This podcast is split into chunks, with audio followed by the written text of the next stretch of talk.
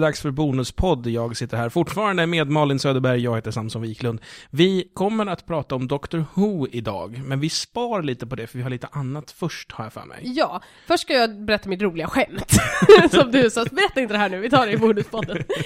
Berätta ditt roliga skämt. Mitt roliga skämt är så, jag har vikt upp det, det är inte så himla kul. Men, ehm, som sagt, alla gör ju så roliga, det roliga var att jag trodde att jag var originell och hade kul åt hur Booker i, i Bioshock Infinite trycker på knappar. Mm. Eh, så liksom lite mer koll på min Twitter-feed visade att alla hade dragit samma skämt och mycket tidigare än mig.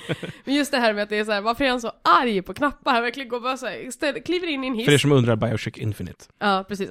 Han kliver in i en hiss och bara, jag säger en knapp det står så här, push och han bara!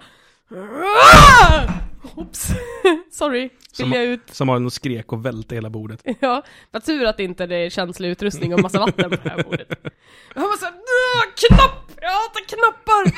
Don't tell me what to do! Arr!" Och typ med en skadad hand dessutom, så det är liksom så jag bara, men sluta Booker, det är bara illa dig själv. Och så har jag haft roligt åt det här ett tag och tänker liksom så här, "Men varför reagerar inte Elisabeth? Jag skulle ju liksom bli ganska ostabil kille som är så arg på hissar. Ehm, men sen så typ nu när jag spelade Mass Effect så kommer typ uh, Shepard kutar in en hiss ehm, när man ska upp på, på Thanes mission. Och hon kutar in en hiss och bara! Men sluta slå i bordet Malin! Det är ljudeffekter. Ja men slå i väggen eller något. Slå någonting Ja, där det inte, inte. står dyr utrustning. Nu så, ah roligt skämt. Shepard är också arg. Åh gud. Vi, hade, vi satt och pratade om en massa annat. Eh, resor och allt möjligt crap. Men eh, ska vi hoppa på Doctor Who nu då? Jag hade ju en annan grej, du skulle tipsa mig om något annat, eh, någon annan serie om en seriemördare. Jag var såhär, Ja! oh du sa seriemördare och jag var såld. Jag började kolla på en serie som heter The Following. Mm. Eh, den handlar om eh, en seriemördare som redan sitter inne. Såld! eh, som älskar Edgar Allan Poe. Eh, mindre såld. hur som helst i alla fall, han som sitter inne, han har skrivit en bok när han suttit där inne också. Ehm, han blev tagen av en FBI-agent som spelas av Kevin Bacon. eh, Mm, som, bacon. som inte längre jobbar på Okej. FBI. Eh, Kevin Bacon hade också tydligen en romans med den här seriemördarens fru. Ah. För hon visste inte om att han var seriemördare, gifte sig med honom, så visade det sig att han var seriemördare, så bara åh vad jobbigt och hemskt. Och så fick hon stöd av den här FBI-agenten. och Ja. Hur som jävla helst, eh, det som händer i alla fall i första avsnittet, det är att det dyker upp copycat killers, och det visar sig sen då att den här snubben, han flyr ju egentligen ur fängelset, men åker fast igen i första avsnittet. Men det visar sig att eh, han har en following av folk som är jätte, jätte, hon, trogna honom jätte, jättemycket. Och eh, vem som helst kan vara en follower, du kan inte lita på någon här i världen. Eh, det visar sig, ja, spoiler för första avsnittet, det visar sig att eh, grannarna till eh, ett offer som kom undan, två, två gaykillar, de är followers. De har Mhm. bott där i flera år och bara byggt upp ett liksom, förtroende. Och detsamma gäller eh, barnskötaren som eh, hans eh, exhustru har för sitt barn. Visar sig också vara en follower. Givetvis då de här eh, fake gay-killarna och barnmorskan snor sonen, hans son. Eh, och kidnappar honom. Och sen så är liksom serien handlar om att få tag på den här sonen. Och det ska Kevin Bacon göra. Och seriemördaren sitter fortfarande inne. Det första avsnittet, asläckert. Jag blev vrålpepp och kände att så här, shit vad bra och de har en skitbra kille som spelar. Man verkligen hatar honom. Man hatar honom så intensivt. Mm. Han är så äcklig och han är så, han är så jobbigt smart. Och han, han är sån här som, när man tycker att man vinner så visar det sig att han vann i alla fall. Mm, ja. Eh, och man hatar honom så jävla intensivt. Han är så jobbig att ha att göra med liksom. Och han vinner jämt. Och han har sina jävla followers som är typ, ja, vissa är så här canon fodder followers typ. Så här, ja men du är den utvalde, har han lurat i dem och så gör de något skitdumt och så, visar det sig att så här, men han var tänkt att han skulle bli påkommen. Så här. Det tråkiga är att i avsnitt två så bara faller allting platt. Mhm. Det var som att de satsade allt krut på piloten för att bygga så här, nu ska vi bygga en spännande lore som bara avsnitt två. Fast nu har vi ingenting att följa upp det med, så det var bara så här, ja, det händer lite grejer. Så det var liksom helt ointressant, man bara tappade allt på en gång. Så därför vill jag prata med dig om pilots. Ah. Varför, när man gör en pilot så vill man ju krydda den så mycket som man bara kan för den ska sälja hela serien. Mm. Men varför gör man en pilot när man inte har en tanke på vad fortsättningen ska vara? För det var ju typexemplet här. Det här var bara en skitbra pilot, sen var det inte så mycket mer. Eh, Lost är väl ett evigt exempel sån här, där man har en superduper pilot. Eh, som sen, nu, nu blev den ju någonting helt annat i slutändan. Ja fast det var ju egentligen inte det, de hade ju fått att efter piloten, de bara okej ni får två säsonger. Eller om det var en säsong. De hade ju ett slut, serien hade ju ett riktigt slut från början. Eh, och sen så efter att de hade gjort det här så sa de, nej vet ni vad, eh, signa på för två säsonger till. Och då var de så här. Uh, Okej, holy crap, för att vi hade ju en, ett planerat riktigt avslut på den här serien. Eh, och helt plötsligt så var de tvungna att spinna vidare på det och det är då de här filleravsnitten kommer där det bara random shit som aldrig tas upp igen händer. Ehm, så Vi det borde är prata. Lost någon gång också. Vad sa du? Vi borde göra ett specialavsnitt om Lost. Ja, jag har inte sett hela Lost, jag tappade intresset vid avsnitt fyra. Jag vet inte vad jag sett det på piloten jag så. Jag har ju ett intressant grej med just Doctor Who, den piloten från 2005 som ska sälja om hela serien. Mm. Varför är den så mycket mindre påkostad än avsnitt två? Ja, men för i avsnitt två, så där fick de ju budgeten. Ja, ah, just det. Eh, för att den första gjorde de ju på nollbudget. Ja, nej, det var väl, det var inte nollbudget, det var ju typ alla pengar till Christopher Eccleston, de bara 'Please, please Mr Eccleston, please do this part' ja, och, så bara, och så, så står vi hon 'Because they want to' popbruden från 90-talet. Ja. You were famous for something Hon är rätt bra, tycker jag. Rose, ja, Mm. Billie Piper. Jag var mer kär, jag, blev jätte, jag visste inte om att hon hade haft en karriär som popsångerska. Jag älskade henne. Jag var lite kär i... Så här. När hon slog igenom så var jag kär i en tjejkompis som heter Britta. Mm. Eh, Britta ser ut som Billie Piper. Ah. Så när Billie, eller som hon gjorde då.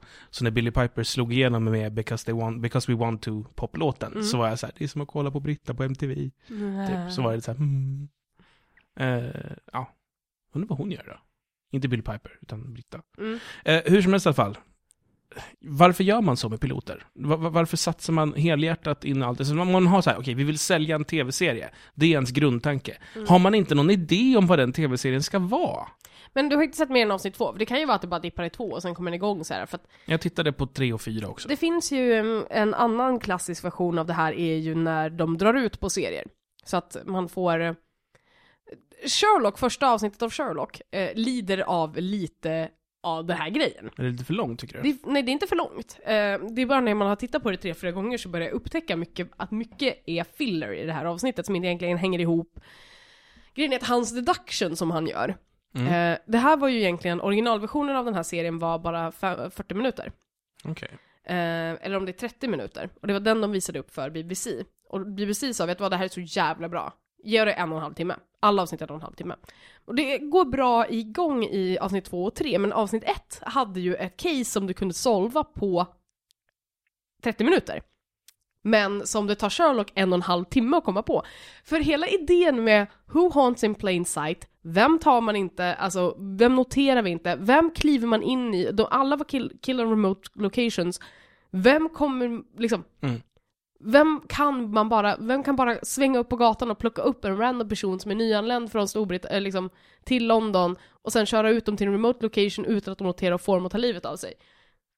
Taxichaffisar, it's obvious! Jo men det är ju det är ju bara första halvan, sen är det där hur får han dem att ta livet av Ja, fast sig? det här är ändå så ganska, det är en timme av att det är ganska mycket deductions och hela jakten med Ja, efter sant. taxibilen och att han fortfarande inte fattar att det är taxichaffisen för att i originalversionen av det här så är han ju så här, vem gör det här? Taxichaffisar, it's probably pretty obvious. Det har jag Ehm, inte ens jag tänkt på, det tar så lång tid. det tar väldigt lång tid för honom att komma på eh, vem det är. Och det är mycket för att de, de var tvungna att, Det gör ju väldigt mycket för karaktärsbyggandet och storyn och det är ingenting som jag har tänkt på förrän efteråt. Det är så här, but wait, tog det inte honom väldigt lång tid att komma på det här? Men det känns konstigt för att det andra pusslet, som är det här med, med hur han får dem att ta livet av sig. Mm. Det känns ju så... Alltså jag, jag minns aldrig riktigt lösningen på det. Och det är nog för att jag inte riktigt är nöjd med den lösningen som ges. Vad, vad, vad är det de säger? Kommer du ihåg? Ja, jag kommer ihåg vad det är de gör. Det de gör är ju att eh, eh, Spoilervarningar för Sherlock avsnitt 1. säsong ett avsnittet. Eh, det som de gör är ju, han har ju två identiska pillerburkar. Mm. Han vet vilken som är eh, den som är dödligt gift och vilken som bara är ingenting problematiskt. Och Sherlock får välja en Mm. eh, av de två. Och han får sen ta det pillret, så tar vi det samtidigt. Så hela grejen är ett spel, vilket är, vilket är den... Ja, för just grejen är, det finns ett move, och det är att den här taxichaffisen då ger honom en av burkarna. Gav jag dig den rätta burken eller för att Jag tror att du kommer att tro att jag har tagit den riktiga, eller gav jag den riktiga. Liksom så här, du är världens bästa. Mm. Lista ut, vilken av dem är det? Och Sherlock sitter och ställer lite motfrågor och så här, och sen så till slut, idén är ju att han, det är ju under pistolhot som Ja, Han du, tvingar du dem att måste ta ju ta här. något, annars blir du Precis. skjuten. Eh, och eh, Sherlock är mer så här. eh, han bara såhär, oh, which pill will you have? Och Sherlock är såhär, I'll have the gun. Och typ, han var såhär, are you sure nobody ever picks the gun? Han bara, I'll have the gun please. Och så typ så trycker han av pistolen i Sherlocks ansikte och ser en tändare. Och han bara, I know a real gun when I see one. Ehm, så, men sen så slutar det med att de i alla fall, han, han börjar ju håna Sherlock för att det är så här, är du säker? Så här, Vet du vilken som är den rätta? Och så plockar han upp den. Och han bara, intressant val. Ehm, vågar du satsa ditt liv på att du är smartare än jag? Och det här är jättebra karaktärsbyggande för Sherlock, för han... Klart han kan! Han, han vet att han är smartare. Det är så här, och det... Men det avsnittet exempelvis, och det här ser jag ganska ofta i, an- eller jag har sett det i några andra serier också, där själva, inte där, just Sherlock är det väldigt extremt för att det är ett avsnitt som har blivit utdraget till att vara mycket längre än vad tanken var att det skulle vara. Men det finns ju andra serier där man till exempelvis har startat som en miniserie och sen fått en full säsong. Mm. Och där blir det också så här att man helt plötsligt så får det liksom traggliga avsnitt som är lite lägre budget och sådana saker.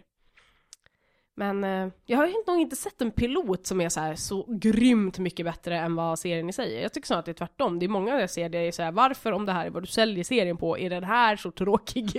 Nej, men minns ju till exempel ehm, Stargate Universe. ja, jag har inte sett den. De Det, har, det är den där de sitter på rymdstationen. Ja, Mm. eh, på ett rymdskepp. Eh, jättemycket som händer i första avsnittet. Det är jättespännande. Det är så här, oj, oj, oj, oj. Och det är liksom bara egentligen en massa grejer som, så här, för att sätta dem i den situationen som serien sen handlar om. Mm. Men serien sen efter det är väldigt så här, alltså nu är inte den dålig, den är, den, den är fortfarande bra, men den är inte alls det som man säljer med en sån pilot liksom. Så, ja, jag är avigt inställd till det, för jag tycker inte man, när, när man tar i för hårt på piloten så säljer man någonting som man sen inte, som inte är det man levererar. Och har Mm. man tur så det man levererar är tillräckligt bra för att ingen ska bli arg. Men, eller arg är ju dumt att bli vid popkultur, men, men eh, det känns som att så här, när jag ser en pilot som är skitbra så blir jag, tänker jag inte åh vad härligt, peppande serie. Jag tänker, jaha, de satsade allt på det här. Men ofta kan man ju se så här, alltså det här håller ju inte för en hel säsong liksom. Jag har ju lite grann, jag började titta på Once upon a time. Mm. Eh, efter att, eh, med jämna mellanrum så tittar jag på saker för att de verkar ha en rolig following på Tumblr. eh, det gjorde jag med Supernatural, och Supernatural var också en sån här serie som faktiskt går på en jävligt stark, det har faktiskt rätt att där, den serien hade en ganska stark pilot som sen liksom det, jag kom ingen vart i den serien, jag tyckte inte den var så här superbra, plus att det... Den blir det, riktigt bra i säsong fyra. Ja, jag vet att den, när Cass eh, kommer in så ska den vara skitbra, men jag har inte kommit så långt och eh, eh, jag eh, jag tycker dessutom att den är lite läskig, inte serien i sig själv, men det är varje jävla avsnitt i, i första avsnittet så är det en kvinna som hänger upp och ner i taket och brinner och skriker. Och varje jävla avsnitt inleds med den bilden. Typ. Mm. Den dyker upp någon gång i varje jävla avsnitt. Och jag tycker att den är skitläskig. Och det här var en serie som jag tittade på typ innan jag skulle sova. Och sen så typ bara sket det sig med att jag skulle titta på Supernatural. Ehm, men däremot, så här, Once upon a time har ju en premiss som är, liksom jävligt första avsnittet har de ju jättemycket det. Once upon a time handlar om att alla eh, karaktärer ifrån sagoböcker har förvisats av en ond häxa till att leva i det mörkaste jävla håla av ångest som man kan tänka sig, det vill säga en amerikansk småstad. Jag tror vi har pratat om det här. Mm, vi kan ha pratat om det. Jag vet att jag har sagt det här i alla fall, exakt de här orden en gång tidigare. Ehm, och jag tyckte att den var faktiskt, jag blev jättehooked på första säsongen, bland annat för att just de här delarna där de befinner sig i den här fantasyverse uh, är jävligt påkostade. Och att det finns ett ganska så här introvert berättande, det vill säga att man visar lite grann som händer i fantasyriket och sen det som händer nu i den riktiga världen och korrelation och man bygger, liksom planterar saker i avsnitt senare som man använder i mycket senare avsnitt. Menar, här börjar man ju se att budgeten börjar liksom fallera efter ett tag. Att den här jättefina CGI, CGI-världen med liksom ganska innovativ, alltså snygga dekorer och sådana saker. Den börjar få allt mindre plats och den här amerikanska småstaden får allt mer plats. Men den ser fortfarande bra, tycker jag. Men det, det är också typ så här, man börjar se att budgeten börjar sina i, i mi- mitten av säsongen. Det är surt när det händer. Doctor Who. Nu ska jag prata om Doctor Who. Ja.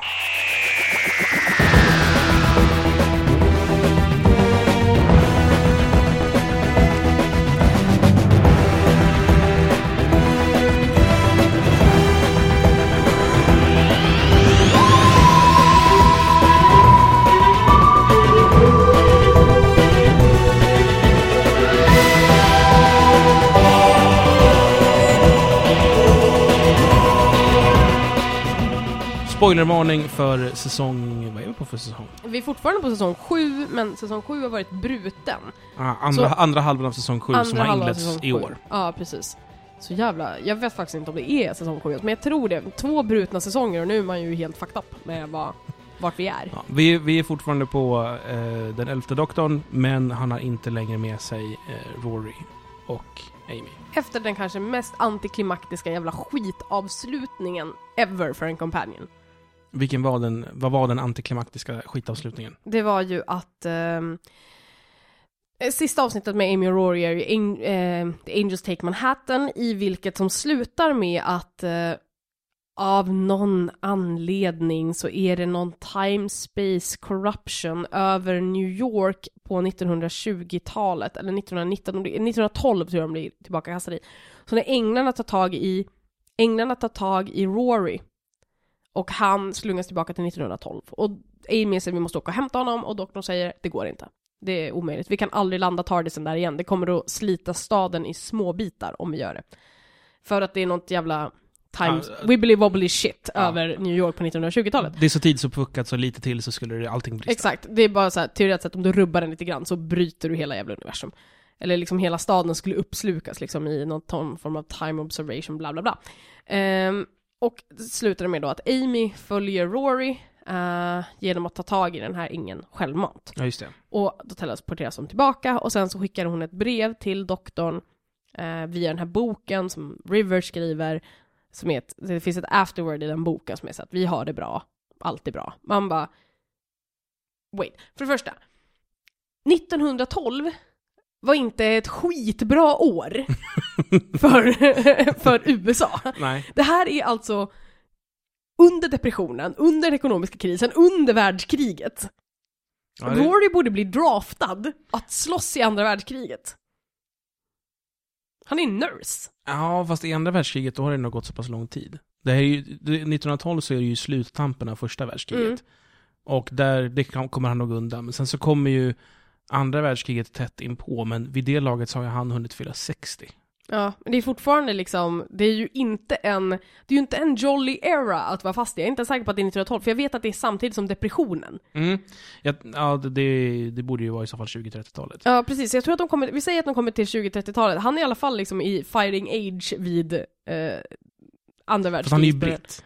Ja men det hjälper ju inte. Nej, för då kan Han, dessutom så är han ju utan medborgarskap i New York. och utan pengar och utan, liksom, okej han kan ju försörja sig på ett yrke som eventuellt som läkare. Mm. Men problemet är ju att han är fortfarande läkare från 2000-talet. Det är ju inte samma utrustning som man sitter och håller på. Fast han är ju nurse. Och det, de, Ja, mycket, nurse mycket, mycket liksom av patientvården som... Fanns det manliga nurses dock på den här tiden? som eh, nej, men han kan kanske bli nurse-tränare? Mm. Hon är ju modell, så det hjälper ju inte. Och sen blev hon typ författare, man följer inte upp på farsan, och sen är bara hela... Om vi skiter i att de typ landade i den sämsta, det är inte någon jävla utopisk tid att vara fast i New York det här. Om vi skiter i hela den grejen, så har vi fortfarande hela den här idiotin över att Åh nej, den wobbly wobbly stuff över New York 1920, vi kan aldrig se dem igen. Eh, Okej, kan de ta sig till New York, alltså ta sig till San Francisco? Vi Ja, skicka en note till doktorn i den här boken där det är såhär, See you in San Francisco eh, 31 september 1923. Hade gått hur bra som helst. Och så kommer han dit och bara woho! Nej, men är, är det inte den tidsfasen? Det är ännu mer Så det okej, vara. men säg att det är den tidsfasen som är så här helt uppfuckad, så det är fortfarande relativt lame, för det är så här, det, Då betyder det att de aldrig någonsin kan göra ett till avsnitt som utspelar sig i den här tidsåldern, för det betyder det att det är så här, där i kring så här, och säg att det är så pass länge, liksom säg att de behöver leva 10, 30, 10 år i New York, 30 år i New York, innan han kan komma och plocka upp dem och liksom få Mm. hem dem igen. Men hela den här säsongen, eller hela förra säsongen har varit så jävla riddled med crap. Ehm, på specifikt River och Amy. Eh, ingenting makes any sense. Och det här är ju sånt jävla dram... Jag menar, när Rose blir inlåst i ett parallellt universum och det heartbreaking jävla skiten det är. Det är helt sanslöst. Och Amy är så här. Ja, hej, jag har varit med i mer säsonger än vad hon har varit i och eh, nu försvann jag och let's never care about me ever again. Mm. Eh, Ja, det finns inget vemod över dem på samma sätt. För så, sen går han runt och är grumpy i julavsnittet liksom. Human Rose-vemodet, det bär han ju fortfarande idag Ja. med sig. Men han har inget vemod över Rory och Amy. Nej, och jag menar alla andra har fått så starka avslut. Så här, Rose fick ju liksom inlåst i ett parallellt universum och kom tillbaka because of fucking badass. Mm. Men hon är inlåst i ett parallellt universum liksom, och hon är forever gone. Och det är liksom, det är så jävla slutgiltigt för hennes del. Martha lämnade själv. Och hon var såhär, Ja, fuck just it. ja. Så, Och Donna minns ingenting och längre. da, Donna är också så här, hon kan, Det är det suraste av allt, för Ja. jag älskar hennes karaktär. och hon är ju verkligen så att hon dessutom kommer tillbaka till ett liv hon hatar. Efter att ha haft det här fantastiska, hon får inte ens minnas att hon har haft någonting som var så här fantastiskt. Nej, för påminns hon om det så kan hon dö. Ja, så hon kommer aldrig få känna att hon har varit speciell eller bra och det här... Och hela universum vet vem hon heter, för hon har räddat allt och alla. Ja, precis. Och sen så har du Wilburs grej där det är så här, han sitter och pratar om att det finns någon sån djup sorg inom henne. Som att hon letar efter någonting men hon vet inte vad. Mm. Och liksom att det, och han sitter och pratar om det och liksom tionde doktorn typ sitter och bryter ihop och är såhär, jag vill inte dö. Och hela den intensiteten från från de, liksom, de goodbyesen som finns i den serien, även, alltså Mickey fick ett mer tårfyllt farväl än vad Amy och Rory fick. Och Amy och Rory har varit med i typ tre säsonger nu, eller så här, två, tre. Mm. De har fått ta jättemycket plats. Så det är bara så jävla, det kändes som, som, som kastades åt sidan. Nu gillar jag inte ens, liksom, jag gillar inte Amy som karaktär, jag gillar Rory. Och det finns en ganska, som sagt jag läste en artikel om varför det är så. Majoriteten gillar Rory, ingen gillar Amy. Mm. Och det är för att de två är ett kärlekspar som skrivs av elva män. Ingen Jaha. kvinna har skrivit någonting om Amy, utan det är elva män som tolkar en romantisk relation. Och då blir Rory direkt en mer sympatisk karaktär än Amy, och Amy blir lite mer the plot device som kan reagera lite hur som helst på vad som helst beroende på vad som är convenient. För ändå har de inte gått till den klassiska fällan, hon är ju inget våp direkt. Nej, hon är, hon är, hon är ju så Alltså, hon- jävla oresursfull. Nja, jag vet inte jag håller med om det. Jag tycker att hon, framförallt mot slutet, när hon liksom, när hon fick guida sin pappa, så fick ju hon vara den som visste saker. Mm. Och där syntes det ju att så här, hon är, hon har ju liksom dragit på sig kunskap och hon är ju bra att ha. Och framförallt, hon har... När hon fick guida sin pappa. när han kommer in i Tardisen. Ja men det är ju, det är Rorys pappa. Ja, ja, okej, men, sin pappa, Rorys pappa, Mm. whatever. Eh, så, så hon var ju ändå den som kunde någonting. Eh, dinosaurieavsnittet, Dinosaurs in Space, Mm. där, hon, där är hon med, eller hur? Ja. Där är ju hon, hon leder ju en grupp liksom och visar att så här, hon är, hon är liksom i princip lika god som doktorn i det här läget. Så det tyckte jag, så man, man har ändå gett henne skinn på näsan och en, en slags, hon, hon blir inte rädd för saker utan minsta anledning. Hon, hon är liksom inte våpig så. Sen så, Men det är aldrig någon companion. kommer man längre bak så Ja, finns det ju. förutom liksom Men om, man tittar på, Mm. på stories i, i tv-världen så finns det ju enormt mycket sådana. Jag tyckte det Mm. alltid varit skönt att hon har varit att hon inte har varit så liksom så här, bara bruden. Mm. Sen att hon faktiskt inte har gjort så mycket. Hon har mer varit liksom det som Rory ska vinna, eller det som Rory ska visa sig ädel inför. Ja. Eller det som ska liksom, det är mycket som sagt vad Rory är mer, det finns liksom en, grejen var, jag tycker ju alltid att det funnits ett ganska, ett ganska stort character arc. Rose har ett character arc som är en utveckling som är pågående över alla serier. Alltså hela säsongen så har hon en grej, eller de två säsongerna hon är med. Mm. Hon har sin liksom easy go, lucky attityd, hon är lite cockney, hon är liksom lite street smart, inte liksom book smart men hon är lite street smart. Och hon är orädd och typ de grejerna, och hon har de kvaliteterna i alla avsnitt. Och sen har du Martha som de liksom gjorde som en slags, okej vi vill göra en liten antites till Rose. Som är fortfarande, men hon är liksom book smart. Och hon är kär i doktorn men han bryr sig inte om henne och hon är den som inte tar till slut liksom, medan Rose idoliserade allting doktorn gjorde så börjar Rose liksom ta allt mer avstånd. Och Martha sen, menar du? Ja, Martha, precis. Eh, och sen så när hon går så kommer Donna som är en antigrej till de båda två, där hon liksom bara är en kompis och inte någon form av romantiskt intresse utan de Eh, hon, två är inte, hon har inget intresse alls. Nej, och hon tar ingen skit från doktorn alls, och hon är inte all, men är fortfarande så här eh, och ifrågasätter mycket av hans moral och sådana saker. Och hon får, de är alltså alla tre så extrema karaktärer och de har alla en, en viss underliggande personlighet som går över hela det spektrat av sin story. Mm. Amy har inte det. Hon går från avsnitt till avsnitt med lite grann vad hennes kvaliteter är. Jag kan inte pinpointa en kvalitet som Amy har. Nej, det, Jag kan pinpointa kvaliteter som Rory har. Rory är lojal uta, mot Amy, inte mot doktorn. Mm. Men han är lojal without question. Utan att vara mjäkig som Mickey var. Ja, just ja. Han gnällde en massa på honom. Mickey, ja, men Mickey tycker jag ändå var bra för att det, det gav Rose karaktär mer karaktär att ha Mickey också. För att han blev ju också den som till slut liksom var så här: du kommer aldrig komma tillbaka, du kommer inte att komma tillbaka till mig. Mm. Liksom. Men Amy har aldrig fått någon, jag kan inte pinpointa en character trait som hon har på det sättet. Snygg. Men det är ju typ det, hon är snygg. Hen, som barn är hon jättebra och som sagt det finns avsnitt där hon får ett bra manus och man får ett starkt fokus på Amy som karaktär. Där hon är skitbra! Typ The Girl Who Waited. Det Mm. avsnittet är asbra. Det finns också jättebra insatser hon har gjort i andra avsnitt och man verkligen ser att hon har kapabel till att vara en jävligt bra karaktär, men det är ingen som tar riktigt vara Mm. på den här karaktären. Och mycket av det har ju att göra med som sagt var, det som den här grejen då eh, sa var att eh, det är elva män som ska tolka en kvinna och de har inte pinpointat hennes karaktär. Nej. Eh, man pinpointar doktorn, man pinpointar Rory, men inte den här tjejen. Eh, och att River fick ju typ lite samma, hela idén med att hon är Rivers mamma och sen så blir hon ifråntagen sitt barn. Men sen är det fine, för hon vet att hon kommer att träffa River efter att River har gått igenom en hel uppväxt av liksom att vara torterad i någon form av brain training center, dö två gånger och sen infiltrera deras ungdom och sen komma tillbaka till henne när hon är dubbelt så gammal som Amy är. Och då på något vänster är Amy fine med att okej, men då har jag förlorat min bebis och vi slutar leta efter den för att jag vet att hon kommer att komma tillbaka till mig nu, Mm. när hon är, är dubbelt så gammal som jag är. Och då kan vi vara en familj. How is that even reasoning? Mycket, mycket märkligt. Ja, Hela, hela grejen med att hon skulle ha fött River Song kändes för mig bara fel. Jag, jag vill ha...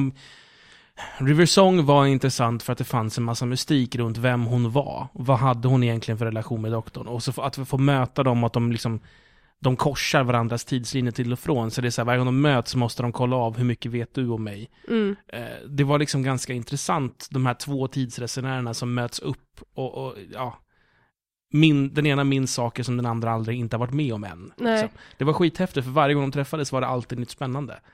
Ehm, nu vet vi, nu finns det liksom lås, det finns saker i River Songs liv som vet att så här, jo men just det, hon är sådär fram till dit, punkt. Det här är första gången hon träffar doktorn, punkt. Nu vet vi det. Det där är första gången. Mm. Och det är så här, jaha, Men det är ju inte första gången, för River Song i avsnitt fyra eh, säger ju att det är, ja i och för sig, det kan inte vara första gången han, hon, fast det är ju, enligt Melody så är det ju första gången hon träffar doktorn, men det stämmer inte överens med vad hon har sagt tidigare i Silence in the Library. precis. Ehm, och Silence in, när hon introducerades så var hon så jävla bra, för hon var en sån annorlunda karaktär mot resten, just för att hon visste mer än doktorn. Mm. Men jag såg ju det, det såg jag inte första gången när jag kollade på av, senaste avsnittet, Cold War. Eh, och hon säger så här, use the red setting i Science in the Library. There is no red setting. It will have one day. Den har en red setting i Cold War. Mm, just Det är då han är så här, I will blows up, if, blows up if I have to. Då har den en red setting som han står och håller i. Just ja. Ja, ska vi prata om den här säsongen då? För nu har vi pratat om allting inför. Allting inför. Jenna Louise Coleman, Ja, eller Clara, Clara som hon heter, som har blivit introducerad lite tidigare som Mm. en bikaraktär. mm, i Asylum of the Daleks. Där hon visar sig vara en människa som håller på att bli förvandlad till en Dalek. Ja, Ut- Utan att hon vet om det. Nej, det är, hon är en mänsklig, ett mänskligt medvetande fast i en Daleks kropp, eller något sånt där nu. Någonting sånt är det. Ja, de har ju en massa nanomaskiner som tar folk som... Alltså, man är på en planet. Ja, precis. När man landar på planeten så blir man dalekiserad av Ja, nanopartiklar. Mm. Så hon har kraschat på den här planeten.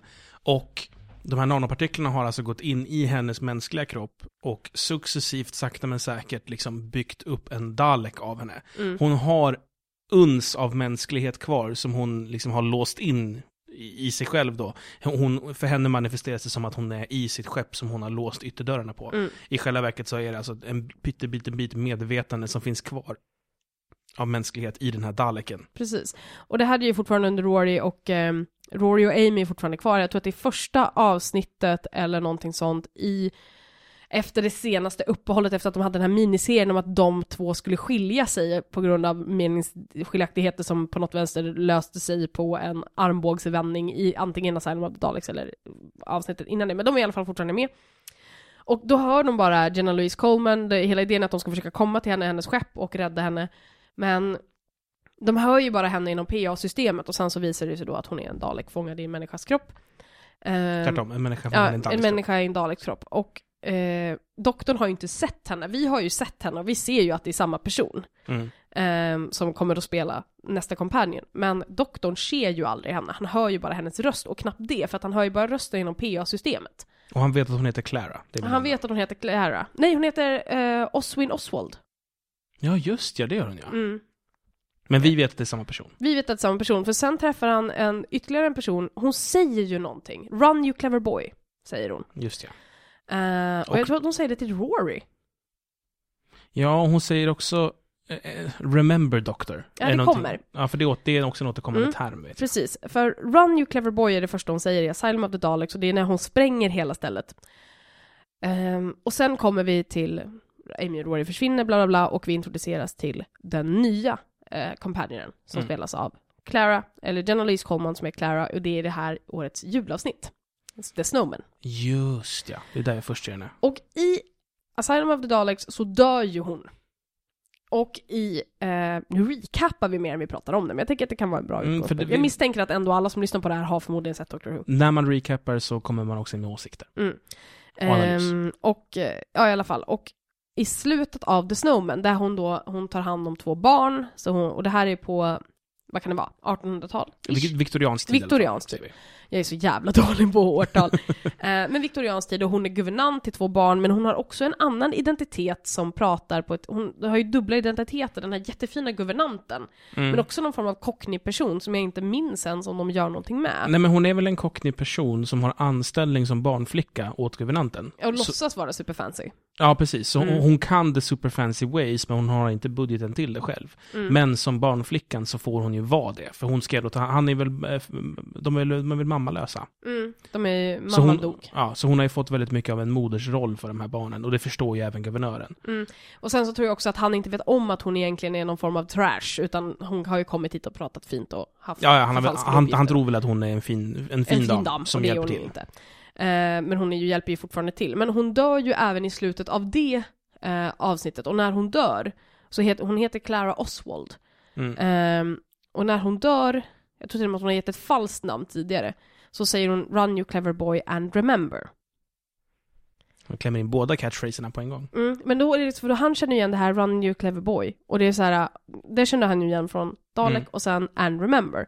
Och han var så här, men det här, är det samma person? Och det, det, hur kan samma person finnas i två helt olika tidsåldrar och dö båda gångerna? Doesn't make sense.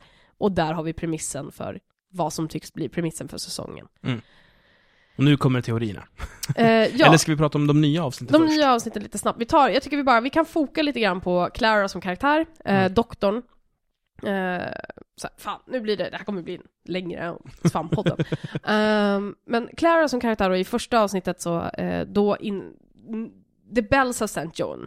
Som jag verkligen inte förstår introt i. För att introt är att doktorn sitter i ett kloster och har målat Clara. Ehm, och så ringer telefonen på Tardisen.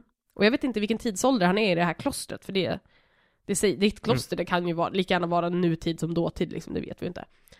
Och hon har fått, eh, det är Clara som ringer om att hon behöver tech support för sig att komma in på sitt wifi. Och hon har fått det här numret av A Girl in a Shop. Vilket är väldigt, väldigt, väldigt, väldigt viktigt för alla teorier som folk har.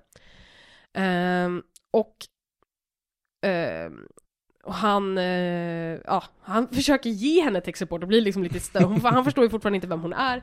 Han försöker på något vänster ge henne lite tech-support och försöka få ur henne hon, hur sjutton hon har numret till ett telefon som inte fungerar på, liksom det, it's just a replica. Ja, och hans tech support är ju också saker som typ så här. Har du provat att dra ut kontakten och stoppa tillbaka den igen? Ja, hans tech-support är ganska basic. hon har problem med wifi. Precis, och eh, sen så frågar hon, eh, hon är ju då, eh, hon tar även här hand om två mammalösa barn eh, till en eh, vän till familjen. Eh, och eh, hon frågar vad lösenordet till wifi är och de säger en random eh, kombination av siffror och hon är så här, hur fan ska jag komma, eller random kombination av bokstäver. Mm. Hon bara, hur fan ska jag komma ihåg det där? Och sen hon bara, okej vänta lite så ska hon komma in det. Run you clever boy and remember. Eh, och det var hennes ramsa för att komma ihåg lösenordet till wifi, var på doktorn blir helt crazy person. Eh, hoppar i Tardisen, åker till, utanför hennes hus och står där och bankar iförd robes. Sen Han, så- han byter tack och lov om. han byter ju tack och lov om. Eh, men då är det redan för sent och Carl har blivit kidnappad av kanske den mest långsamma kidnappningsroboten i världshistorien. Jag är bara såhär, bara flytta dig. Alltså det, är, det här är som att tionde doktorn konstant blir påsmugen av Cybermen, vilket jag inte fattar. För att varje gång de går så låter det som att någon tappar en hel leverans med kastruller i ett betonggolv. Ja, eh, the wifi, vi behöver inte gå in jättehårt Nej. i avsnittet i sig, men, men eh, det, det visar sig att det finns en bad guy som laddar upp folk i the wifi. Mm. Eh, och det här, eh, det, den bad guyen kommer ju också undan på sätt och vis. Man stoppar ju hans plan, men han finns fortfarande kvar. och dessutom så kallas han för The Consciousness, vilket är samma bad guy som var snön i eh, The Snowman. Ja, Okej, så det är samma, det, det är samma ondska. Det verkar vara samma ondska. Ehm, jag läste någonting om, jag har faktiskt inte, jag brukar i alla fall kolla igenom avsnitten ett antal gånger. Mm. men jag har faktiskt inte sett. Men däremot så ska det vara att det, det heter, den här, den här personen heter The Consciousness. Och det heter även det som var i snön. Kallade sig själv för The Consciousness, det som spelades av uh, Ian McKellen. Mm. Ehm, jag tyckte jag att det var lite konstigt att ta in honom för den minigrejen. Men, Kom in och gör lite voice-over i slutet, vet jag. Precis. Ehm, och den här gången så dör Clara inte, doktorn räddar henne. Eh, hon räddar egentligen sig själv också genom att helt plötsligt vara supersmart på datorer eftersom att hon fick det nedladdat i den här wifien. Och hon... Doktorn erbjuder henne att följa med. Mm. Och hon säger kom tillbaka imorgon och fråga mig. Eh, för att hon har alltid längtat efter att resa men aldrig kunnat. Hon, har, en bok Precis. som heter 101 places to visit eller något sånt där. Ehm, och det är avsnitt ett. Mm. Eh, teoretiskt om vi fokar på de här grejerna. Vad tyckte du om eh, The Bells of St. John? Jag var skeptisk. Jag tycker om... Alltså, jag, gillar ju Doctor Who-avsnitt som inte måste nödvändigtvis vara så här viktiga i arken. Jag tycker det kan vara ganska spännande med ett avsnitt som bara är så här, nu åker vi iväg på en liten tur och gör en liten grej. Det är därför jag tycker det första Blink-avsnittet är skitintressant. Eh, för det, det, har egentligen, det passar egentligen inte in i tidslinjen på något speciellt ställe, utan det är bara så här, det är ett jävligt ballt avsnitt med smart regi, doktorn har en minimal roll. Även Midnight. Uh, nu minns jag inte vilket det är, Det är avsnitt fyra när de, det här eh, grejen som bara upprepar saker. Det är också bara sånt här random avsnitt mitt i. Mm. Jag, jag, jag tycker sådana avsnitt kan liksom vara bland de bästa. Det här känner jag att det, här finns det om man bara ser till vad som händer i avsnittet i sig så är det inte jätteintressant. Eh, det introducerar Clara lite tydligare och det introducerar the bad guy i The Conscience. Eh, som avsnitt utöver det var det ganska ointressant, tycker jag. Eh, det fanns några läckra prylar, givetvis. Det var alltid kul att få se doktorn vara doktor, liksom. Eh, men jag var inte jätte, jättenöjd. Jag kände att så här, blir det mer moffat nu? Ska vi, ska vi fortsätta på exakt samma spår igen? Jag hade exakt tvärtom reaktionen. Oh, berätta. Ehm, för det var väldigt mycket, jag, när vi såg A Town Called Mercy. Det är också, det är den här amerikanska de är ute i vilda västern. Mm. Och det är när han vet att Amy kommer att försvinna. Han vet redan det här. Det här är bara den sista biten, liksom upptakten för honom fram tills dess. Han försöker bara klämma ut så mycket tid han kan. Mm. Och det avsnittet är så fruktansvärt bra. Det är reminiscent av allting som var bra med de gamla doktorerna. Det är i och för sig för att jag gillar ju när doktorn är lite mörkare och lite mer angstig, men här fanns det dessutom den här dubbelmoralen av att jag har bara gjort någonting som jag var tvungen att göra i krig. Och, du, och hela underförstådda grejen är att det är vad doktorn också har gjort. Han har alltid gjort det som behövdes, han har inte alltid gjort det som var bra. Mm. Um, som, det är så tråkigt att de säger det mitt på näsan sen, för jag bara såhär oh, oh, just keep this going, alltså säg inte att det är just like you, använd inte de orden sen bara just like you, damn it! Men det är fortfarande jättebra. Ehm, och sen efter det avsnittet så kuk... Uh, hur säger man kukar ur utan att använda det ordet som är så fult? Ballar ur, kan man säga. ballar ur, eh, ur, eh, vad heter det, eh, i resten av serien. Efter det så var det bara, det här var, det, det fanns så mycket potential i att någonting skulle bli bra här. Och sen så bara moffat det ur i The Rivering, Wedding of River Song och pyramider och alltid samtidigt och kolla på alla våra coola effekter och Winston Churchill-snubben, han gillar ni ju. Och Ja. Dalek är, eller Manhattan är en Weeping Angel och bra. Ehm, istället för det här lite subtila berättandet. Och sen kommer den här, och jag ser ju fortfarande, du har ju det här Moffat spektakulära, åka motorcykel upp för en vägg. Jo, det var ju häftigt. Det gillar jag ju. Det, det jag inte, det, det är jag såhär, meh, I don't care about that. Ehm, men jag gillar också, det fanns så mycket saker här som de började, typ, de nämnde saker från Classic Who. Uh, började referera tillbaka till det, någonting som de har- har bestämt sig för att liksom klippa med Matt Smith som doktor, är ju att nu tar vi bort det som fanns innan. Nu Mm. nämner vi inte liksom vi nämner inte Rose längre, vi nämner inte det som har hänt, eh, utan nu kör vi liksom på att man ska börja kunna titta här och det ska vara en helt ny serie och det är mycket mer barnvänlig och det ska vara mycket mer spektakulärt och sådana saker. De har ju nämnt det, men inte vid namn. Nej. Rose. Ja. Nej. Nej, I lost someone där. Ja, precis. De nämner att liksom, det finns någonting där, men de säger inte vad det är för något. Nej, men det är väldigt så och hon försvinner ganska fort också, hela liksom, Mm. grejen. Eh, men, eh, och sen i det här avsnittet så har vi ändå att vi introducerar Clara. Clara är inte ett trainwreck, hon är ganska intressant. Eh, hon är en ganska bra skådis. Eh, även om hon blir en moffat girl, vilket ju betyder att hon är supersexy! Sexualiserad. Typ såhär, hon är såhär, mm, hångla, snogging. Ja, det är väldigt mycket att det ska vara så här att det ska finnas en, en pågående liksom will they won't they hela tiden. Jag, jag, älskar ju Donna för att det var så skönt att slippa det. Mm. Det fanns, och även Amy i viss mån. Fast i, i, i, i Rose fall så var det ju, då var det ju på riktigt en Will They Don't They som var ganska, eh, liksom, Mm. eh, Will They Want They, som var ganska väl uppbyggd. För Martas del så var det bara från Martas sida och sen hade du Donna som var helt så här: Don't care! Men Martha, Martha byggde mig som att hon skulle vara kär i doktorn, och doktorn skulle inte vara kär tillbaka. Det var, det, det var så uttalat, det var Ja. det som var grejen. Exakt. Och sen så har du för Amy och då var det liksom att hon till slut gav upp på Rory, alla gillade Rory, men hon hångla med det och sen så var de polare och sen så blev det så här jättekonstigt. Och hon skulle alltid vara snygg och sen så kom ju River in och var super duper vamp och jag älskar ju Alex Kingston jättemycket. Mm. Jag tycker de misshandlade den här karaktären.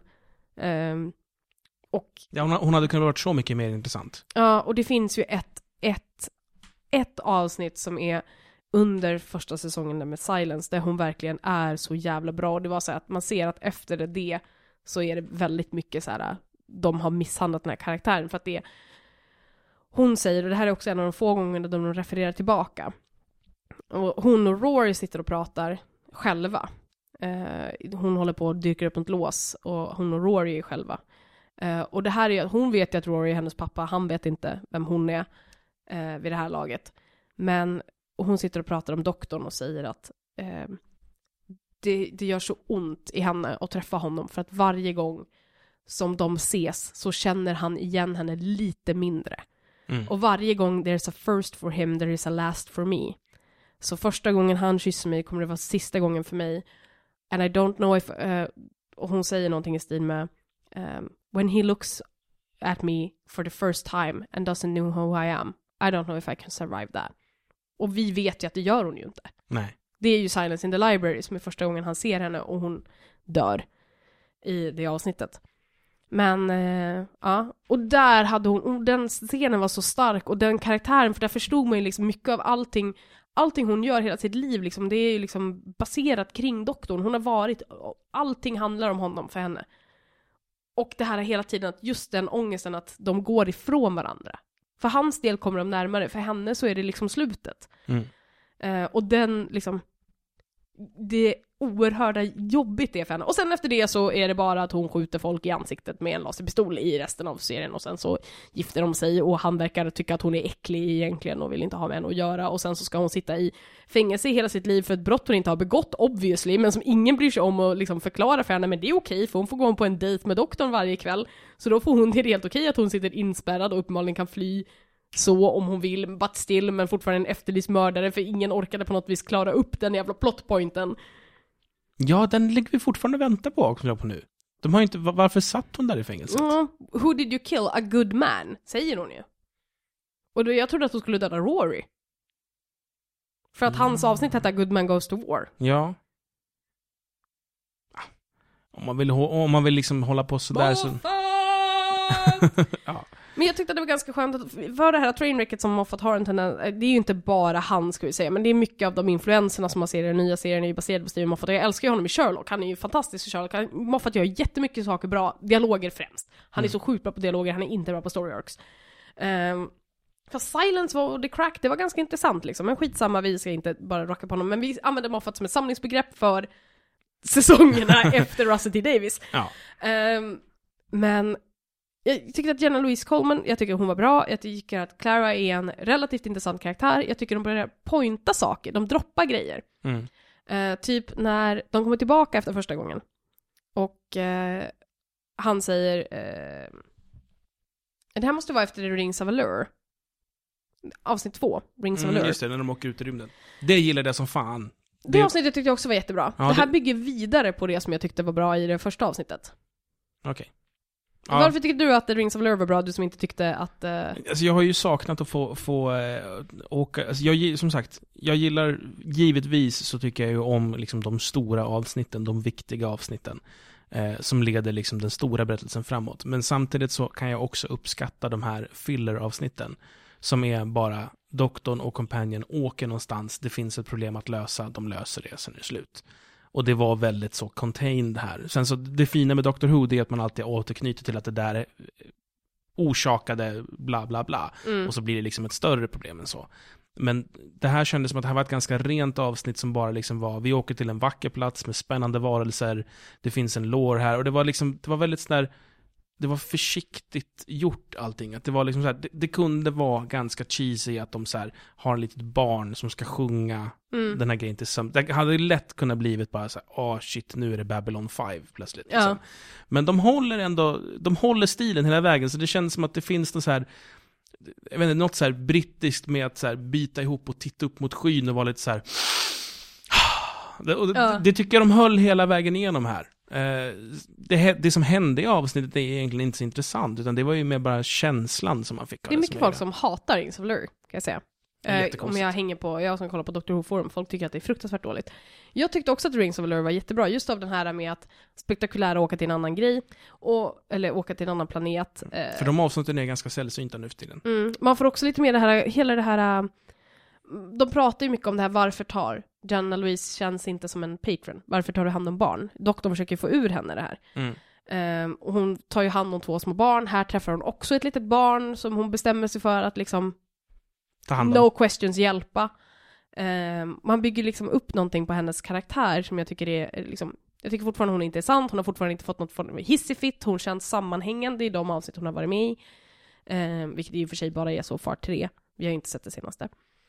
Eh, och jag tycker om att de har liksom, och här har vi då en stadsscen där de faktiskt återanvänder monster och varelser från Classic Who, som bara går runt i bakgrunden liksom. Mm.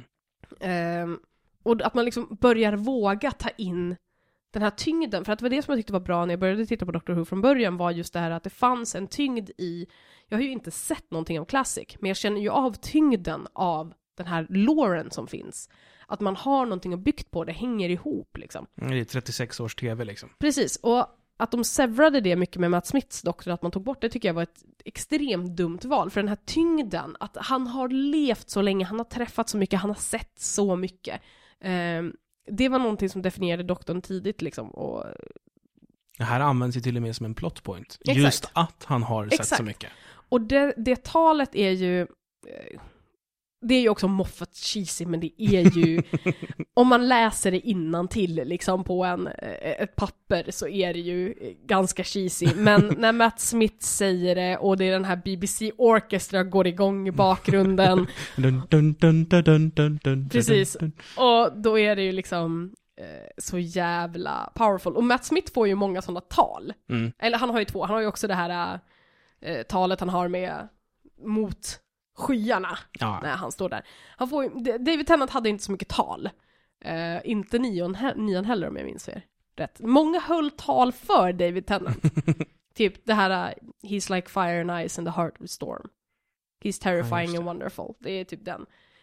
Och typ Rose, var, men han själv går inte runt och säger sådana saker. Matt Smith däremot går runt och säger sådana här grejer lite då och då. Och han gör det jävligt bra och jag tycker också att det här, man får en ganska, eh, han, han får den här, här, det här djupet, där, att som han ändå har. Han är en, jag tycker han är en duktig doktor, jag tycker han är bra på att vara doktorn. Mm, jag tycker Matt Smith är ändå bättre. Ja, jag tycker faktiskt också att han, för att han kan gå, det jag tyckte var David Tennant, det kan gå från witty till jävligt dark Mm. på en gång. Och det kan också Matt Smith göra, och dessutom beter han sig lite mer alien.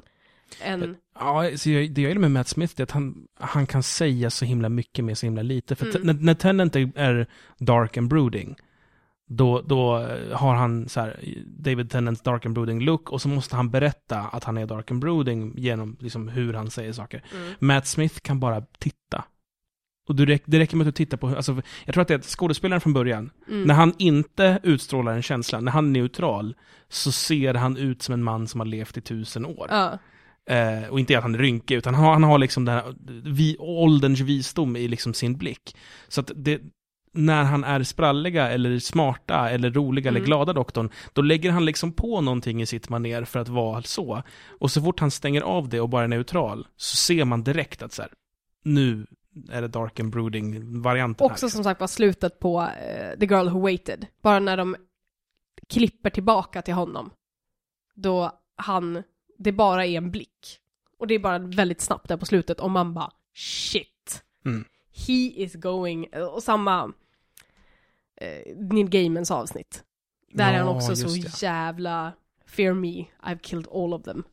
Och det, Eh, men som sagt, vi ska inte, men jag tycker att Matt Smith har ett, ett jävla, han har ett sånt jävla range på vad han klarar av. Problemet är att manuset ofta inte låter honom stanna upp tillräckligt länge för att han ska kunna uttrycka det här, för att han är alltid springande från, det här har ju varit då i de senare säsongerna, eller typ egentligen bara, jag tycker Silence-säsongen var ganska bra, men de här sista två brutna säsongerna som har tagit jättelång tid, då det, han, ma- majoriteten av tiden bara springer från en explosion eller hoppar ifrån ett plan eller någonting sånt där. Liksom, han, får inte, Mm. han får inte stanna upp i manuset och göra grejer så ofta som han skulle kunna.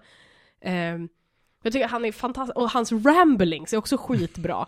Men vad hände med den här grejen att han hade en klocka? Det var ju en jättestor grej ett tag, han konstant tittade på klockan.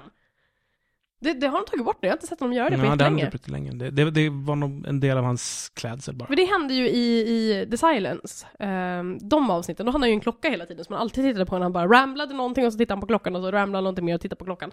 Och typ, han hade klockan på undersidan av vristen så det syntes liksom när han stod och tittade på den. Mm. Och jag vet för att någon gång sa någon, why does a Time Lord have a watch?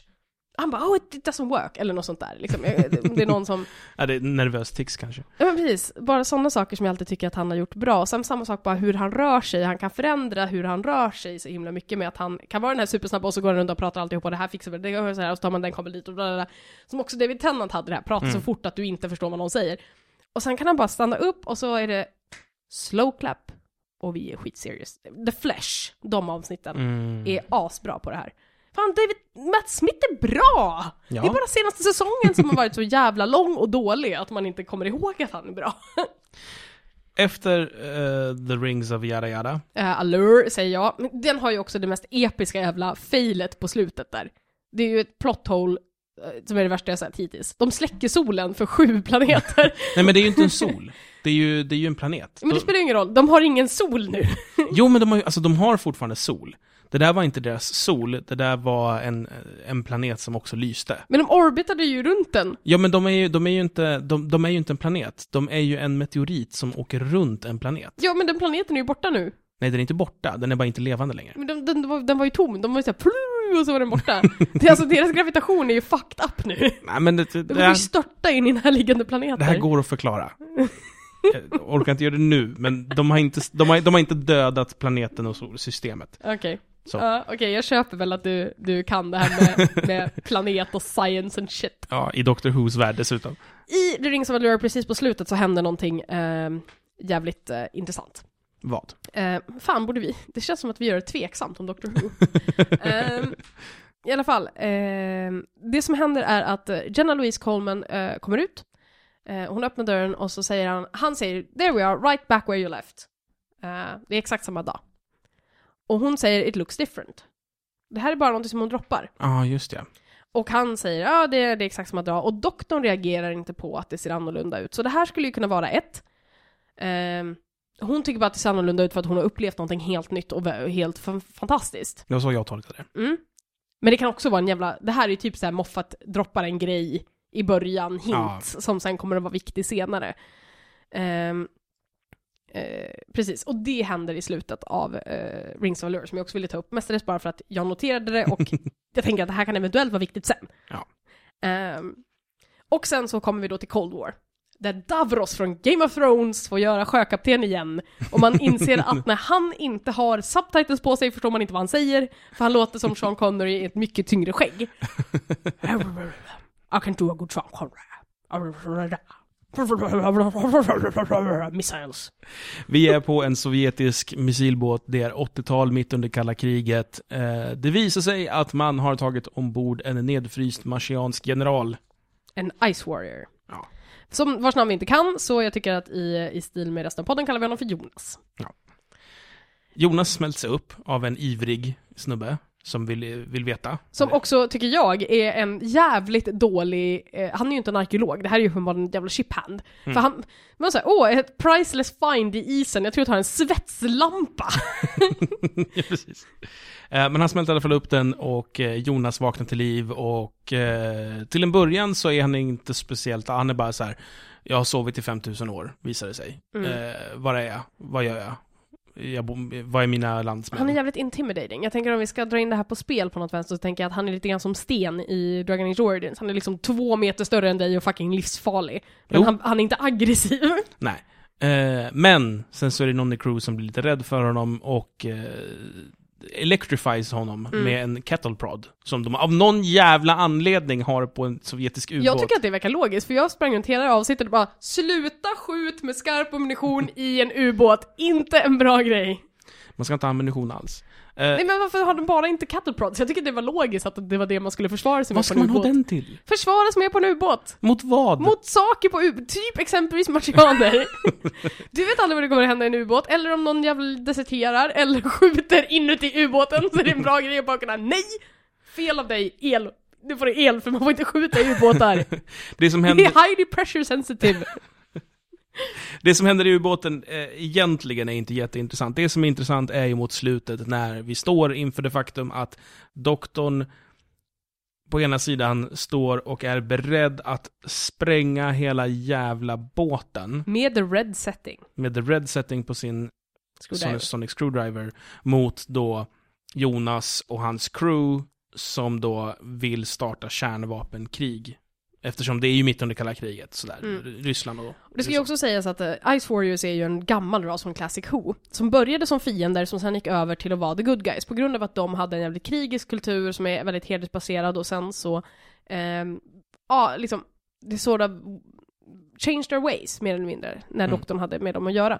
Så det här är ju då en ras, jag tror att han säger det någon gång, att de är capable of great evil but also great compassion eller något sånt där. Eller också Ja. säger han det om människor, jag är inte säker. Jag säger det om båtar tror jag. Ja, han säger det om jättemycket folk, men just det här med att Ice Warriors, i det här fallet så är egentligen, Jonas hade inte varit farlig om inte någon hade attackerat honom först. Precis. För att då har man brutit mot lag, mar- under Martian law, som jag hela tiden tyckte lät som martial law, eh, så gör ju det att han då har Ja. rätt att retaliata mot hela planeten. Och det här var också Ja. första gången som inte eh, doktorn har gått och snackat om The Shadow Proclamation och att det här är en level 3 planet och man får inte ge sig på level 3 planets. Ja, just ja. Va? Den har ni inte nämnt på många år nu. Det var länge sedan han pratade om, men det, mycket så är han, han har ju pratat med andra så här, folk om att det är en, jag tror att det är en level 3 eller om det är level 4 planet och att det inte är han säger att man inte får kolonisera den, man får inte hålla på och utnyttja dess folk. Det säger han till The Silence exempelvis, att Mm. de har brutit mot det här. Jag tror inte att han säger The Shadow Proclamation, jag vet inte om han har gjort det någon gång, elfte doktorn. Nej, det känns som en väldigt tennant grej. Men jag tror ändå att de pratar om det, liksom, att det är något så här, för att du får, nej, de åker till Shadow Proclamation, det var ju Donna. Ehm, men i alla fall, att liksom, han har ju pratat om att han är beskyddare av den här planeten och det här är en level 4-planet, det är jävligt olagligt att ge sig på dem.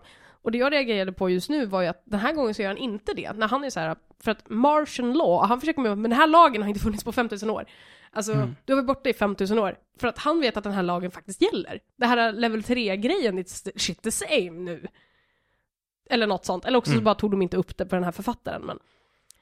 Ehm, Det är skumt egentligen, att han inte ens nämner det. Ja, nej men att För det, marsianen känner ju till The Shadow Proclamation. ja han, de har ju liksom varit en ancient civilization som... Eller i och för sig, hur gammal är Shadow Proclamation? För han har ju sovit i 5000 år. Jag Han, vet kan- han inte. kanske, den kanske uppkom under tiden han var Fast nedfryst. han har ju snackat om Shadow Proclamation så jävla många gånger så att jag tänker Jo men då gör han det med raser som har, eh, kommer från framtiden. Ja fast han har ju uppenbarligen träffat Martians förut. Så jag misstänker att det kan finnas. Hade det funnits en Shadow Proclamation nu och deras lag hade varit gammal och inte overridet Shadow Proclamation så hade han ju kunnat säga att du, vi har en lag, child proclamation, Ja. level 3 planet, du får inte göra någonting. Men han säger ingenting av den delen utan Liksom det är så här, och han, fortfarande säger han inte så här, den är direkt, för han, ibland skiter han ju det med folk som är så direkt onda, för då är det ju typ så här, fuck it, de är evil, de kommer Mm. försöka förstöra allting. Men det gör han inte med det här, han försöker ju resonera hela tiden med In i det sista. Mm, verkligen, för att han vill inte och eh, det slutar ju gott. Nobody dies. Eh, Marsianerna skiter, de kommer tillbaka och hämtar honom, den här Ice Warriorn och eh, Jonas. Jonas, eh, general Jonas. och det, det här var ju ett avsnitt som också var så här ganska jag läste ju på om Ice Warriors, för BBC la upp en sån här länk där det var så här, ja ah, nu har vi Ice Warriors som är från Classic to Who, här läs om doktorns tidigare relation med dem, och så hade de en liten sammanfattningsartikel som jag läste, och det tror jag gav mig ganska mycket för det här avsnittet. För att jag visste exempelvis att de har varit en, en aggressiv ras som sen har blivit en mycket lugnare och stabilare ras, mycket på grund av liksom att... Jag tyckte man fick det, alltså jag har inte läst det. Jag tyckte Mm. jag fick det ändå liksom förklarat. Ja. In, in, även om det inte sades rakt ut, så man fick liksom, av hur det var skrivet så fick man den uppfattningen om dem ändå. Precis. Sen så tyckte jag att eh, Jenna Louise fick ju ta noll och ingen plats i det här avsnittet. Hon var helt onödig. Ja, hon hade lika gärna inte kunnat varit med. Ehm, hon fick någon så här att I can do this kind of grej. Liksom. Hon hade ju en winning grace, och det Mm. var ju i att eh, hon var liksom dotterlik för den här arkeologsnubben. Mm, Och eh, Mars Jonas hade en dotter. mm, Och någon liksom grej där mjukade upp honom lite. precis. Men det var ju typ det enda, och det enda hon hade för att kunna göra det, det var att hon var kvinna. Exakt. Det Så, ingenting annat förutom att hon föddes med ett visst kön. exakt. Ehm, och det gör inte, jag tycker inte hon... Problemet som hon också gjorde med Amy var att vartenda jävla avsnitt skulle kretsa kring Amy ett tag, och ett tag skulle vartenda avsnitt kretsa kring River, och jag tycker inte att man behöver göra att alla avsnitt ska handla om Jenna Louise. Hon heter, vad heter hon egentligen? Jag tycker Jenna Louise är ett sånt awesome namn, så jag vill gärna säga det. Clara. Clara. Ehm, så det gör inte mig så mycket, men hon var ju inte, hon gjorde ju ingenting i det avsnittet, förutom att hon var orolig för att dö. Och det Mm. tycker jag också i och för sig var intressant, för att det, Ja, eh, jag vill prata om, om, det känns som att den stora liksom unique selling point för den här säsongen, det kommer ju vara Vem är Clara? mm, I och med att vi har sett Clara Oswald dyka upp tidigare. ja. Eh, och även den här första Oswald. Oswin Oswald, Clara Oswald, och sen eh, så säger hon ju också att eh, någon hade kallat henne Oswin, så att nu är det Clara Oswin Oswald. Okej, ja. Så Clara Oswin Oswald, som vi har sett i flera inkarnationer i flera olika tidsåldrar, alltid på jorden, Tre stycken är de nu. Mm. eh, alltid i en... Men inte alltid på jorden. Nej, det är sant. Det är Asylum, då var hon ju någon form av, hon var ju någon del av något crew. Ja. Men hon, har, hon verkar ha en väldigt vårdande sida, har Mm. vi fått se. Hon tar hand om barn. Vi, Hon pratar om sin egen mamma i Daleks. Jag misstänker att Moffat kanske har fått barn. Eftersom det är så jävla mycket som handlar om just om att folk har en relation med sina barn. Men eh, jag har hört en teori från Gabe Newell, Mm. eh, mannen bakom Valve och Team Fortress och allt möjligt annat.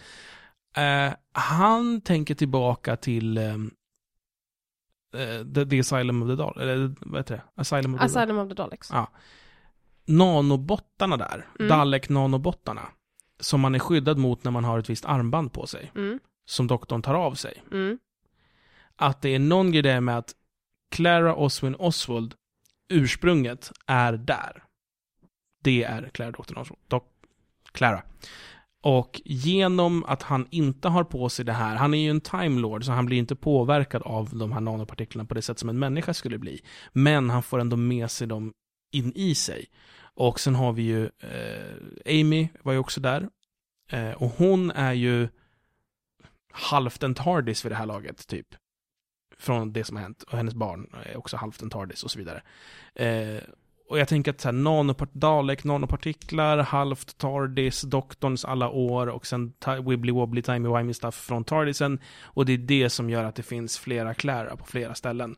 Som allihopa i grund och botten är samma person. Det är alltså minnet av henne som skapar de andra Claras. Okej. Typ. Mm. Vad känns det som att det kan vara något? Eller är jag helt ute och cyklar? Jag vet inte, jag har ju förhört jag vet inte riktigt hur, Amy är ju inte så mycket TARDIS. Men hon, henne, hon, hennes barn. TARDISen gillar ju inte eh, Louise, det säger den ju i, i eh, Rings of Allure. Då, då öppnar den inte dörren. Hon bara, don't think it likes me. Just ja. Fast det kan, och vara, TARDISen gör också något ljud såhär, det kan ju också vara hon som bara inte har förstått att Tardisen har en nyckel. Ja, men det kan ju vara det. Det kan också, men det är för mig att det här har droppats tidigare också, att Tardisen inte är superförtjust i henne. Ja, men om hon, är- om hon är skapat delvis med hjälp av, av eh, Dalek nanobotar, Ja, för så sig. förstår jag att, att Tardisen är, är liksom instinktivt säger Mm. Det kan jag tänka mig. Ehm, det finns ju en annan teori också. Jag vet inte, jag har inte läst in på den här teorin för att jag antar att det finns mer om att just varför det så här skulle vara... Ja, den är betydligt mer ljusare än vad jag beskrev nu, men min Mm. korta återberättelse av vad jag har läst om det. Det finns ju ytterligare en återberättelse som är att uh, Jenna Louise är resultatet av Bad Wolf. Ehm, Just ja. på något vänster. Och det här är också en grej, och det skulle då, det, det styrks av typ det här med att eh, när eh, eh, Rose körde Bad Wolf så påverkade det inte bara folk på den här stationen utan det påverkade även andra människor. Eh, och att Jenna Louise på något vänster skulle vara en produkt av eh, själva att Bad Wolf hände. Så att hon nu inte det att hon inte kan dö utan typ konstant kommer tillbaka. Eh, det enda som egentligen, det, här, det finns en ganska bra utvecklad story om varför det här är som typ, eh, makes kind of sense, det är säkert förmodligen bättre än, alla de här fan-teorierna är alltid bättre än vad Moffat kommer med i slutändan i alla fall. Ehm, men eh, det som styrker det också är, hur fick hon Tardisens telefonnummer? I got it from a girl in a shop. Vart jobbar Rose? Jobbar Rose i en shop? Japp. Jag tänkte mer på hon som är i, från Blink-avsnittet som står i i Just shop. det, det skulle också kunna vara hon. För det är den enda jag tänker på som jobbar i en shop. älskar Sally Sparrow. Ja. Hon är fantastisk. Henne vill ju jag ha som companion. Hon är skitbra. Hon Mm. också, men Rose jobbade ju i affär innan. Det kommer inte ens jag ihåg. Hon gör det även i det parallella universumet så har hon börjat jobba i en affär igen. Ehm, så han träffar ju henne när hon ska stänga för dagen. Aha. Och hon säger det några gånger att I was just some girl who worked in a shop. And then my life changed forever. Da, da, da, da. Just det, just det. Ehm, Malin, Malin påminner Samson, det är avsnitt. Ehm, men den teorin har jag också hört. Men sen så, än så länge känns det som att det är så tidigt att börja for- formulera teorier. Hon är, det finns en teori om att hon är the master, det finns alltid teorier om att den nya personen är the master. Alltid. Ehm, Rory är the master. Rory är the master, Jenna Louise är Rory. eh, och sådana saker. Men ja. Det som jag också skulle vilja prata om är, eh, lite snabbt bara, är eh, nya Tardisen. Bu Mm. eller bä? Vilken av dem är bra? Är det bä? Jag vet fan inte. Ja, då måste det vara. För bu låter ju illa. Bu Ja. är ju dåligt. Ja, men då säger jag bä. Jättekonstigt så här uttryckt. Ja, jag tycker också det. Jag tycker det är bra. Jag, jag gillar Tardis. Jag tycker den, den, det är nice när den är clean, för att den ser så här klankig, ihoptejpad och fixad ut. Det känns mycket mer Eccleston och Tennant. Och jag tycker det är så skönt att nu har vi en så här fresh, lite så här om Apple fanns på, eller Apple på 90-talet designad. Eh, här, lite rent, lite snyggt, lite neon, lite blått. Jag har ju också grejen som jag är väldigt kär i är ju att eh, det här är lite av en eh, tillbakagång till gamla klassiker igen. Och High Gallifreyan är nu språket på, på datorn Ja, igen. att, att det är tillbaka. ja. Så för det var ju ett tag när man bytte mellan Tennant och eh, Matt Smith så bytte man ju från High Gallifreyan till engelska. Ehm, så alla de här tecknen, men nu så är det så har du High, eh, nej vänta det är inte High Gallifreyan, High Gallifreyan är, ser ut som runor, det är bara vanliga Gallifreyan. Eller? Ancient High Gallifreyan, ja skitsamma. Ha- Vi säger att det är High. Det är Gallifreyan Det är. Gallifreyan. Ja. Jag, tror att det är vanlig Gallifreyan om jag inte För High. Gallifreyan ser ut som runor. Mm, det här är ju mer bara mystiska tecken. Mm, precis. Så jag tror att det bara är vanliga Gallifreyan, och det är de här cirklar i cirklar. Det Mm. skrivspråket är ju skitcoolt för övrigt, att man skriver med cirklar i cirklar hela tiden. Jag tycker det var en assnygg designgrej. Jag tycker, Ehm. jag tycker Gallifreyan är ganska ful. Jag älskar Gallifreyan, jag tycker att det känns som så, jag skulle vilja veta hur det språket är uppbyggt liksom, där man, hur man pratar i cirklar. Jag skulle Men- gärna vilja tatuera någonting coolt från Doctor Who, men det som känns rätt då, det är ju i så fall Hey Gallifreyan. Problemet är att jag tycker inte det är särskilt snyggt. Jag tycker det är assnyggt. Ehm, men där är, vi, där är vi olika. Ja, Mm. men bra att vi tycker olika. Ja, ibland kan det vara trevligt att tycka olika. Slipper vi ha samma tatuering. Ja, det är ju fett jobbigt.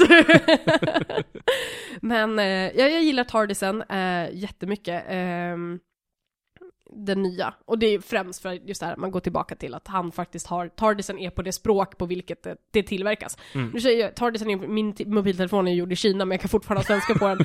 Men liksom, varför skulle han ha den på engelska? För, för hans companions. Ja, förmodligen så var det att han bytte för att de var där och pillade hela tiden och skulle kolla på YouTube och så blev det fel. Så han var såhär, fine jag byter bort tillbaka det, sluta när jag ställt om det till spanska, ingen aning vad jag gör. Så, ehm, Jag, jag tycker också det känns skönt, eh, förlåt jag avbryter det, men det känns som att det finns färger som man kopplar med de olika doktorerna. Mm. Jag tycker Eccleston är mycket jordiga färger, liksom. det ska vara lite grönt och det ska vara lite brunt. Och det, det är liksom Eccleston för mig. Och Tardisen avspeglar också det. Mm. Tennant är mycket mer det här liksom, gula och gröna, mycket mer signaler. Jag tycker att han är blå, blå-röd, kontrastfärger. Ja, fast det ska jag komma till, för jag tycker att jag, jag tycker att Matt Smith är väldigt blå. Det är verkligen hans doktor, den blå doktorn. Jag sa, det, jag har verkligen Tennant som blå. Men det är för att du har minst hans blå Ja klädsel. men det är blå, blå och eh, röd kontrastfärger. Och sen så har han sin, sin lite mer såhär steampunk eh, jag, ty jag tycker han är varmare färger. Han är gult och han är orange och han är rött och han är mycket mer så här signalfärger och, och varmare färger. Mhm. Och sen eh, Smith kör liksom kallt, blått, ljust så här, från vitt till blått i en väldigt kall övergång. Sa, äh, det... Jag har nog mer Smith som någon form av barnkammargul.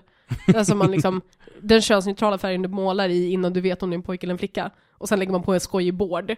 Det är, om, om vi nu ska ta vad som är så här en färgkombination så jag tänker att liksom Eccleston är en fondtapet eh, i så här eh, kaffebrunt som alla hade. Och Tennant är mer liksom kontrastfärger. Så han är, han är en schysst eh, äh, grällmatta på, i ett annat, liksom ett mörkt rum. Så det var alltså färganalysen av doktorerna. Precis. Ehm, jag har också någon grej, du börjar, du börjar läsa Äh, nu för det här är alltså, det här är det längsta bo det bonusavsnittet. Vi är snart uppe i att bonusavsnittet är längre än vad ordinarie Vi kan ju i sådana fall eh, ta bort det och för sig, bara klippa, eh, ta det här som en Doctor Who special. Klippa ut det, Nej. ha det andra.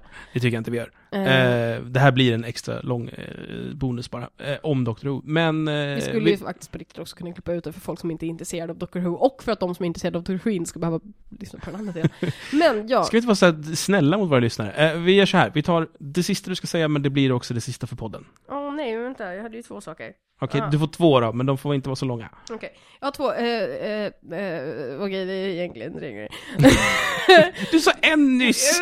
Tre. Men det första är egentligen, jag tänkte bara smart, han som gör outfit, i love it, känns mycket mer tidlöst Jag håller än med. tidigare. Mycket snyggare. Mycket snyggare. Jag gillar ju att han fortfarande har en bowtie, men att det inte måste vara en jävla grej om att han har den hela tiden. Nej. Jag gillar att, att han har en boett, desto coolare. Ja, jag tycker att det är, han har liksom tagit en, en liten hipster, han, han började gå för mycket mot hipster ett tag. Nu har han mer än tio, jag, jag störde mig ganska mycket på nionde att han springer runt i en skinnjacka i alla miljöer, för jag bara, det, det där går inte hem jämt. det är liksom, skinnjacka är ganska specifikt för en viss tidsperiod. Ehm, men han känns lite mer tidlös, det funkar nu, det funkar även liksom Mm. på i senare tider och där, där. Eh, plus att det är snyggt som fan. Men sen så eh, också, eh, jag vill bara säga, Neil Gaiman skriver ett till avsnitt. Mm. Han, Det, här är del, det här är grej två det här är grej två. Ja. Neil Gaiman skriver ett till avsnitt om Cybermen. Oh, det kan bli kul. Det kan bli kul, det kan också bli varför i hela fridens namn måste han få det tråkigaste? Cybermen kan vara coola. Cybermen i sig är inte coola, men man kan väva in dem i en berättelse som är cool. Ja, exakt. Och det är lite det som jag antar är, blir hans utmaning nu. För att jag vet att det var någon som tweetade till honom och sa Can you promise that this time the Cybermen won't be defeated by the power of love? Och Neil Gaiman svarade Who says they'll be defeated? Aha. Så, Intressant. ja, och det är så här, oh yay, Neil Gaiman är tillbaka. Jag tror även att en av mina favoritförfattare kommer att komma in och göra en till, och det är han som skrev eh, jag tror att jag upptäckte att samma person som har skrivit väldigt många av, han bara skrivit ett avsnitt per säsong, men han har skrivit väldigt många av de avsnitt jag tycker är bra, men han har bland annat skrivit A Town Called Mercy. Eh, och han är också huvudförfattare, en av författarna på Supernatural tror jag. Eh, i Jaha. mm. Så, och Det han... får, går inte ihop i mitt huvud, men okej. Nej, exakt. Kanske. Han hade i alla fall skrivit på någon annan serie som är jävligt populär. Och jag Du smög du in en två och en halva här. Det var en två och en halva. Var det här trean? Nej, det här var inte trean. Nej, det här var två och en halva. Ja, det- precis, det- för tvåan var Neil Gaiman. Det sista grejen var att de har, eh, eh, de har avslöjat vad namnet på sista avsnittet den här säsongen är. Som är? The name of the doctor. Och det ska man ju inte säga. Nej, och så he- tagline är His secret revealed. Oj, oj, oj. Och folk är så här: No, can't happen. När, när, vi- när är det vi har jubileum? Eh, november. November. November så är det 50-årsjubileum. Och jag håller ju på att kissa ner mig på det här. Ja, Hur för, kan för, vi inte ens ha snuddat vid 50-årsjubileet? för att vi har inte tid med det, för att det blir ett eget avsnitt någon annan gång. Det var bonuspodden för den här veckan. Tack så mycket för att ni har lyssnat. Har ni lyssnat hela vägen hit och inte bryr er om Dr. Who, så kudos, bra jobbat! Exakt. Why? Alltså, det, det, det kommer inte någon extra del efter eftertexterna där typ eh, Morgan Freeman vill rekrytera oss till Shield. Fan inte Morgan Freeman. Eh, vad fan är det? det är Samuel L. Jackson. Samuel L. Jackson! Åh nej, nu blir det typ den andra svarta människan.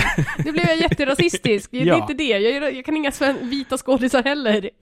Eh, Jag är inte rasist, jag har nu- inget ansiktsminne har vi lite mer koll på vad vi tycker om Doctor Who. Vi har också fått lära oss att Malin är lite av en rasist. Det är inte alls! Jag har inget ansiktsminne! Med, med, det så sätter vi punkt för den här veckan. Se fram emot en kommande Doctor Who-special av skitsnack. Då kommer vi bland annat prata om det här eh, 50-årsjubileet. Oh my god, har du sett typ att det finns en grej med Matt Smith nu? Jag vänta bara en sak, jag tänker inte ha en sån sak.